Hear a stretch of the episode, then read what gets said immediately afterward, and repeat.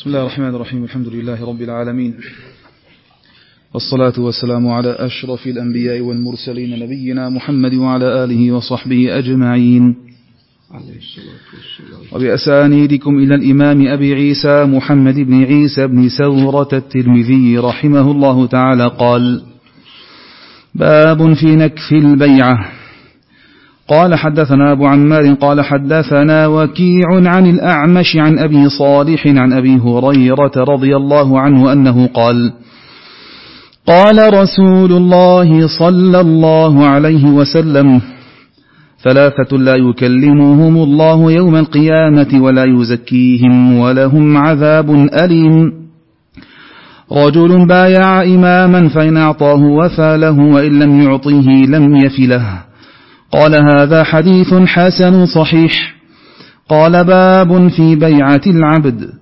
قال حدثنا قتيبة قال حدثنا الليث عن أبي الزبير عن جابر رضي الله عنه أنه قال جاء عبد فبايع رسول الله صلى الله عليه وسلم على الهجرة ولا يشعر النبي صلى الله عليه وسلم أنه عبد. فجاء سيده فقال النبي صلى الله عليه وسلم بعنيه فاشتراه بعبدين أسودين ولم يبايع أحدا بعد حتى يسأله أعبد هو.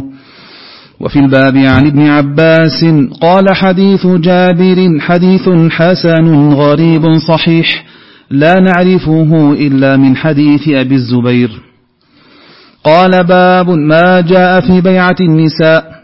قال حدثنا قتيبة قال حدثنا سفيان عن محمد بن المنكدر أنه سمع أميمة أنه سمع أميمة ابنة رقيقة تقول بايعت النبي صلى الله عليه وسلم في نسوة فقال لنا فيما استطعتن وأطقتن. قلت الله ورسوله أرحم بنا منا بأنفسنا. قلت يا رسول الله بايعنا. قال سفيان تعني صافحنا. فقال رسول الله صلى الله عليه وسلم إنما قولي لمئة امرأة كقولي لامرأة واحدة. وفي الباب عن عائشة وعبد الله بن عمرو وأسماء بنت يزيد. وهذا حديث حسن صحيح لا نعرفه إلا من حديث محمد بن المنكدر وروى سفيان الثوري ومالك بن أنس وغير واحد هذا الحديث عن محمد بن المنكدر نحوه. قال بسم الله الرحمن الرحيم. وبه نستعين نحمده سبحانه وتعالى ونثني عليه الخير كله ونصلي ونسلم على نبينا محمد وعلى آله وأصحابه والتابعين لهم بإحسان إلى يوم الدين. أما بعد فقال الإمام أبو عيسى الترمذي رحمه الله تعالى في كتابه الجامع قال حدثنا أبو عمار وهو حسين بن حريث الخزاعي. أبو عمار وهو ثقة مشهور توفي سنة أربع وأربعين ومائتين قال حدثنا وكيع وهو ابن الجراح بن مليح الرؤاسي أبو سفيان الكوفي وهو إمام توفي سنة سبع وتسعين ومائة قال عن الأعمش وهو سليمان بن مهران. الأسدي الكاهلي أبو محمد الكوفي الإمام. أيضا توفي سنة ثمان وأربعين ومائة وقيل سبع وأربعين ومائة قال عن أبي صالح ذكوان السمان أبو صالح وهو ثقة حافظ مكثر جدا عن أبي هريرة. وهذا الإسناد قيل فيه ألف حديث يعني من مرفوع وموقوف. أي الأعمش عن أبي صالح عن أبي هريرة. قال طبعا أبو صالح توفي عام واحد ومئة قال عن أبي هريرة رضي الله تعالى عنه. قال قال رسول الله صلى الله عليه وسلم ثلاثة لا يكلمهم الله يوم القيامة. نعوذ بالله من ذلك. ولا يزكيهم. ولهم عذاب أليم. نعوذ بالله. هذه ثلاثة أشياء. الأول لا يكلمهم الله جل وعلا يوم القيامة. نعم نعوذ بالله. ولا يزكيهم هذا الأمر الثاني. ولهم عذاب أليم. ومن جملة العذاب عدم تكليم الله عز وجل لهم يوم القيامة. من هم الثلاثة؟ ذكر أبو عيسى واحدا منهم وهو ما بوب عليه. قال رجل بايع إماما فإن أعطاه وفى له. وفي رواية في الصحيح بايع إماما لدنيا أو كما قال عليه الصلاة والسلام فإن أعطاه منها وفى له وإن لم يعطه لم يفي له. فإذا هو بيعة للدنيا. ولا يريد وجه الله بهذه البيعة. وأما الثاني فهو رجل على ماء على فضل ماء. يمنحه ابن السبيل يمنحه ابن السبيل. ابن السبيل في حاجة شديدة للماء ولا ليس بحاجة؟ بحاجة هو ابن سبيل عابر وهذا على فضل ماء يعني عنده زيادة فضل ماء عنده زيادة على ما يكفيه. ومع ذلك يمنحه ابن السبيل نعوذ بالله. والثالث رجل بايع رجلا على سلعة أو تبايع مع رجل على سلعة وحلف بعد العصر طبعا. وحلف أنه أخذها بكذا وكذا وهو ماذا؟ وهو كاذب. وهو كاذب. نعوذ بالله من ذلك. نعم. والثالث هو الذي بوب عليه أبو عيسى الترمذي. وتلاحظون أن هناك أكثر من حديث. ثلاثة كذا وكذا. ثلاثة كذا وكذا. نعم. وهذا من حسن تعليمه صلى الله عليه وسلم أنه يجمع لك يجمع لك من أريد الحديث عنهم أو المسائل التي يراد بيانها في الحديث أو القضايا التي يراد شرحها في هذا الأمر. فإذا عرفت بادئ ذي بدء ثلاثة هذا أدعى إلى أي شيء؟ إلى حفظهم نعم. أدعى إلى حفظهم. وأنك لو يعني نسيت تتذكر ثلاثة فهذا لعل يذكرك ماذا؟ الثالث أو البقية. نعم.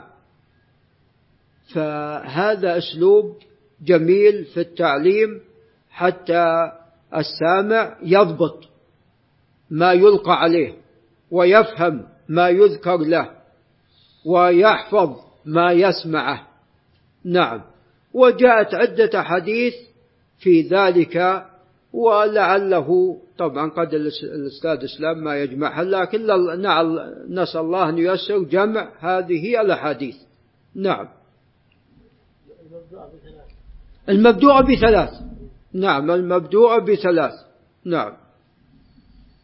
طبعا تعلمون منها جاء في حديث آخر ملك كذاب وعائل مستكبر. والثالث وشيمط زاني. نعم. طبعا هناك أسباب من خلالها تعظم المعصية. وهناك أمور من خلالها يخف إثم المعصية. وهذه قضية مهمة ينبغي علينا جميعا الانتباه إليها. يعني هنا مما يعظم المعصية هذا بايع لدنيا. والأول على فضل ماء ويمنحه ابن السبيل الذي هو بحاجة إليه. الذي هو بحاجة شديدة أو ماسة إليه. فعظم ذنبه. ورجل بعد العصر. نعم. ولعل مناسبة ذلك أنه ختم يومه بماذا؟ بالمعصية هو الكذب. أو أنه دبر صلاة العصر التي هي أعظم الصلوات الخمس. فهنا عظمت المعصية. نعم. وفي الحديث الذي ذكرناه ملك كذاب. يعني الإنسان قد والعياذ بالله يحتاج إلى أن يكذب مثلا يعني يضطر يتقي يعني لبعض يتأول لبعض يحتاج لبعض الأمور بزعم أنه يحتاج. وقد يضطر هذا كذا اضطر لا يكلف الله نفسا إلا وسعها. لكن هذا ملك. ثم هو موضع ماذا؟ موضع يعني موضع قدوة موضع مكانة عالية ملك. فيكذب هذا يجعل ماذا؟ يجعل الرعية يتساهلون في هذا. وهذه ترى مهمة. إذا استقام الراعي غالبا سوف يستقيم الرعية وإذا فسد الراعي سوف تفسد الرعية والعلم عند الله. فهذه مسألة مهمة مثل رب الأسرة. نعم نسأل الله أن يحفظنا وإياكم. ملك كذاب وعاء المستكبر فقير ومع ذلك يتكبر. الأصل بالفقير ماذا؟ نعم المسكنة. نعم والتواضع والتذلل حتى تعطيه. هذا بالعكس مستكبر. نعم نعوذ بالله من ذلك. وأشيمط زاني يعني أنت قد شبت فإذا دواعي معصية الزنا تكون أقرب ولا أبعد. أبعد. نعم. فهناك أشياء تعظم المعصية وهناك أشياء تخفف ذنب المعصية. نعم فهذا الذي بوب عليه أبو عيسى واقتصر عليه والعادة أبو عيسى يقول وفي الحديث ماذا؟ قصة أو في الحديث كلام أكثر من هذا. لكن هنا لم يذكر أو سقط كلامه. نعم فإذا البيع للدنيا هذا هذه لا تجوز. على إلا أن يكون مضطرا يعني بيتقي. يعني ما صارت هنا للدنيا لكن بيتقي. نعم. فالأصل أن البيع لله عز وجل. نعم. قال أبو عيسى هذا حديث حسن صحيح. ونذهب إلى ما ذهب إليه أبو عيسى.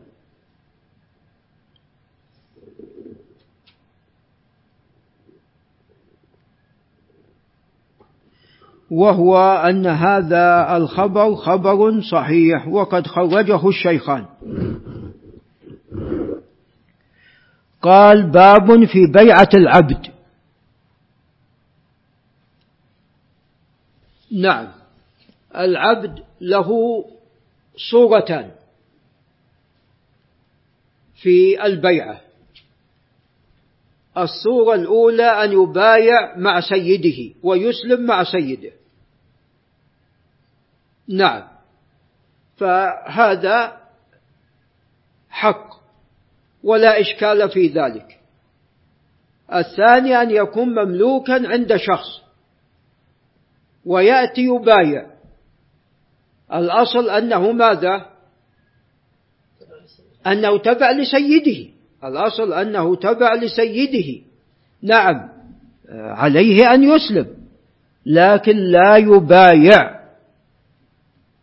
نعم. لأنه تبع لسيده وملك لسيده. نعم. هذه هي الصورة الثانية وهذا الباب معقود لذلك. نعم. هو هو هو تتبع لسيده يعني عندما جاء بايع كأنه يملك أمر نفسه. فعندما يبايع قد يكلفه الرسول عليه الصلاة والسلام بماذا؟ بالجهاد. يقول يلا هذه سرية مع معقود لها أخرج معه. أو قم بالعمل الفلاني أو بالمهمة الفلانية. فهو مملوك تبع لسيده. فأبو عيسى بوب من أجل هذا. قال حدثنا كتيبة هو بن سعيد بن جميل بن طريف أبو رجا الثقفي وهو إمام. وهو عفوا ثقة ثبت توفي عام أربعين ومائتين. ذكر الصابوني أن له كتابا في الإيمان. لم أقف على ذلك في ترجمته لعل الشيخ حسام ينتبه. لم أقف على هذا في ترجمته وإنما في كتاب عقيدة أصحاب الحديث للصابوني ذكر أنه له كتابا في الإيمان. وتقدم لنا أن له قصة جميلة. رؤيا منام وأراد أن يحققها أو أراد أن يعني يعمل بما حذر في منامه. نعم. وتقدم ذكر القصة. ساقها السهمي في تاريخ جرجان. نعم. قال حدثنا الليث هو بن سعد. الليث هو ابن سعد الفهمي المصري وهو إمام. توفي عام 75 ومئة قال عن أبي الزبير وهو محمد بن مسلم بن تدرس أبو الزبير المكي وهو حافظ كما تقدم. نذهب إلى أنه حافظ. توفي عام ستة وعشرين ومائة. علي بن المديني ماذا قال عنه؟ قال ثبت. نعم لعلكم تتأكدون. نعم. قال عن جابر بن عبد الله وتكلمت مرارا. نعم. قال ثقة ثبت. إيه قال ثقة ثبت. نعم. وأنا أذهب إلى ذلك. أذهب إلى أنه من الحفاظ. قال عن جابر بن عبد الله بن عمرو بن حرام السلمي الأنصاري السلمي بني سلمة. نعم. الأنصاري رضي الله عنهما. عن عن تكلمت على هذا مرارا وتكرارا فيما سبق. والأصل فيما روى عن جابر في حتى بالعنعنة الأصل السماع والاتصال حتى يدل دليل على خلاف ذلك. قال عن جابر بن عبد الله رضي الله عنهما أنه قال جاء عبد فبايع رسول الله صلى الله عليه وسلم على الهجرة.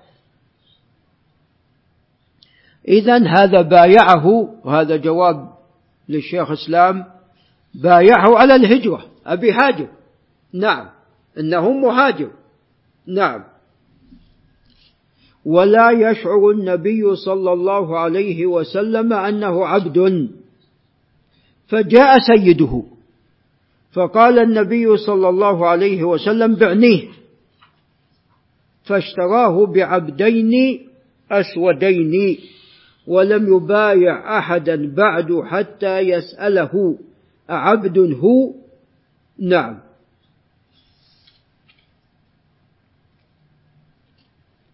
قال أبو عيسى وفي الباب عن ابن عباس رضي الله عنهما. قال حديث جابر حديث حسن غريب صحيح. والغالب في استعمال بعيسى حسن صحيح غريب. وتقريبا وجدنا نحو خمسين موضع حسن غريب صحيح. تتبعناها على اختلاف النسخ النسخ مختلفة. وفي تحفة الأشراف أقل. تحفة الأشراف أقل. نعم. ولذا هذا الحديث قد مر علينا.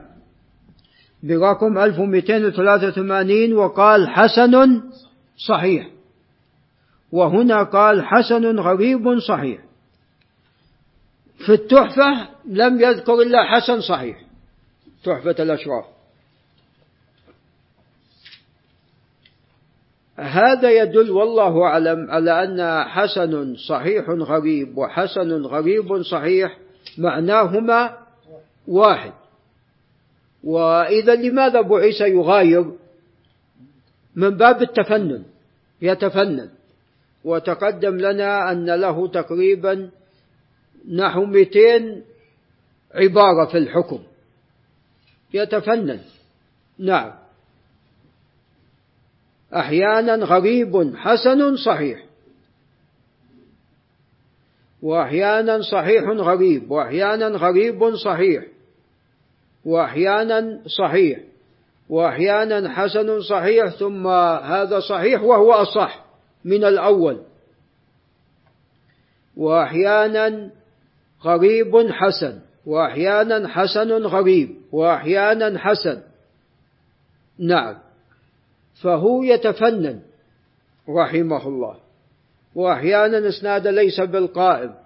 وأحيانا فيه فلان. وأحيانا أنه فلان لم يسمع من فلان. فهو يتفنن رحمه الله. ففي التحفة لم يذكر له حكما واحدا. فحسن غريب صحيح تساوي حسن صحيح. وتساوي حسن صحيح غريب. وإن كان في الموضع الأول لم يكن غريب. ولكن لا شك أن حسن صحيح غير حسن صحيح غريب. فهناك لم يذكر غريب ولكن الإسناد يعني عنده غريب. لا لا ليست من العنعنة نعم. هو قال لنكمل لا نعرف إلا من حديث أبي الزبير فأبين. أي فهو بين أبو عيسى قال لا نعرفه إلا من حديث أبي الزبير. وأما في الموضع السابق نعم فلم يذكر ذلك. نعم.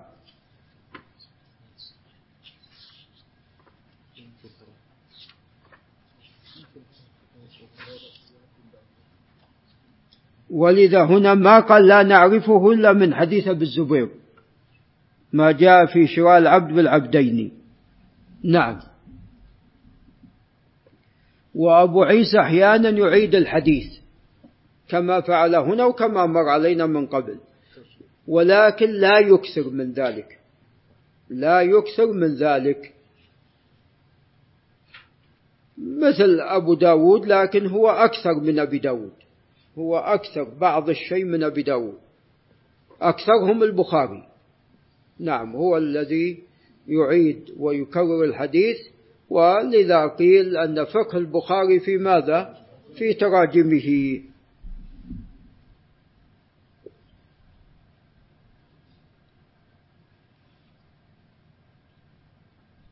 وهذا يفيد كما تقدم لنا جواز شراء العبد بالعبدين وأنه لا ربا في ذلك. نعم. قال باب ما جاء في بيعة النساء. تقدم لنا ما جاء في بيعة النبي صلى الله عليه وسلم. والمقصود هنا الرجال. نعم. ولذا هنا خص النساء بباب في بيعتهن. وأن النساء في ذلك مثل الرجال ولكن لم يصافح عليه الصلاة والسلام ماذا؟ امرأة قط سوى طبعا محا زوجاته ومحارمه عليه الصلاة والسلام. فالنساء لهن بيع ولكن بدون مصافحة لأنه لا يجوز مس المرأة الأجنبية. وأن مسها بتعمد هذا يعتبر من زنا اليد. نعوذ بالله من ذلك. قال حدثنا قتيبة تقدم. قال حدثنا سفيان هو بن عيينة بن أبي عمران الهلالي أبو محمد الكوفي ثم المكي وهو إمام. توفي عام ثمانية وتسعين ومائة. قال عن محمد بن المنكدر وهو ابن الهدير التيمي القرشي التيمي توفي عام 31 و100 وسفيان 98 و100 وكتيبة 40 و200 أنه سمع أميمة بنت رقيقة تقول أميمة بنت رقيقة رقيقة أمها وأما أبوها فهو عبد الله بن بجاد. أميمة بنت عبد الله لعل الابن طارق ينتبه أميمة بنت عبد الله بن بجاد التيمي. وهي صحابية وهنا من المبايعات لرسول الله صلى الله عليه وسلم ولها حديثان. هذا أحدهما والثاني هو كان للرسول عليه الصلاة والسلام قدح من عيدان يبول يبول فيه عليه الصلاة والسلام. وهذا الحديث قد خرجه النسائي من حديث ابن جريج عن آه، حكيمة بنت رقيقة عن أمها. عن حكيمة بنت رقيقة عن أمها. تقول أميمة بنت رقيقة عن حكيمة بنت أميمة بن رقيقة هذا في حديث القدح من العيدان هنا ابن المنكدر عن أميمة بنت رقيقة تقول بايعت النبي صلى الله عليه وسلم في نسوة فقال لنا فيما استطعتن وأطقتن. وهذه قاعدة جاءت في القرآن في غير ما حديث. نعم. في القرآن في غير ما آية. فاتقوا الله ما استطعتم. قلت الله ورسوله أرحم بنا منا بأنفسنا. نعم. وتعلمون المرأة التي كانت تبحث تبحث في السبي حتى وجدت طفلا فضمته إلى صدرها وألقمت فمه ثديها. نعم. فقال أكانت هذه طارحة ولدها في النار؟ قالوا لا. أو كما قال عليه الصلاة والسلام قال الله أرحم بنا أو بكم من هذه المرأة بماذا؟ بولدها. أو كما قال عليه الصلاة والسلام.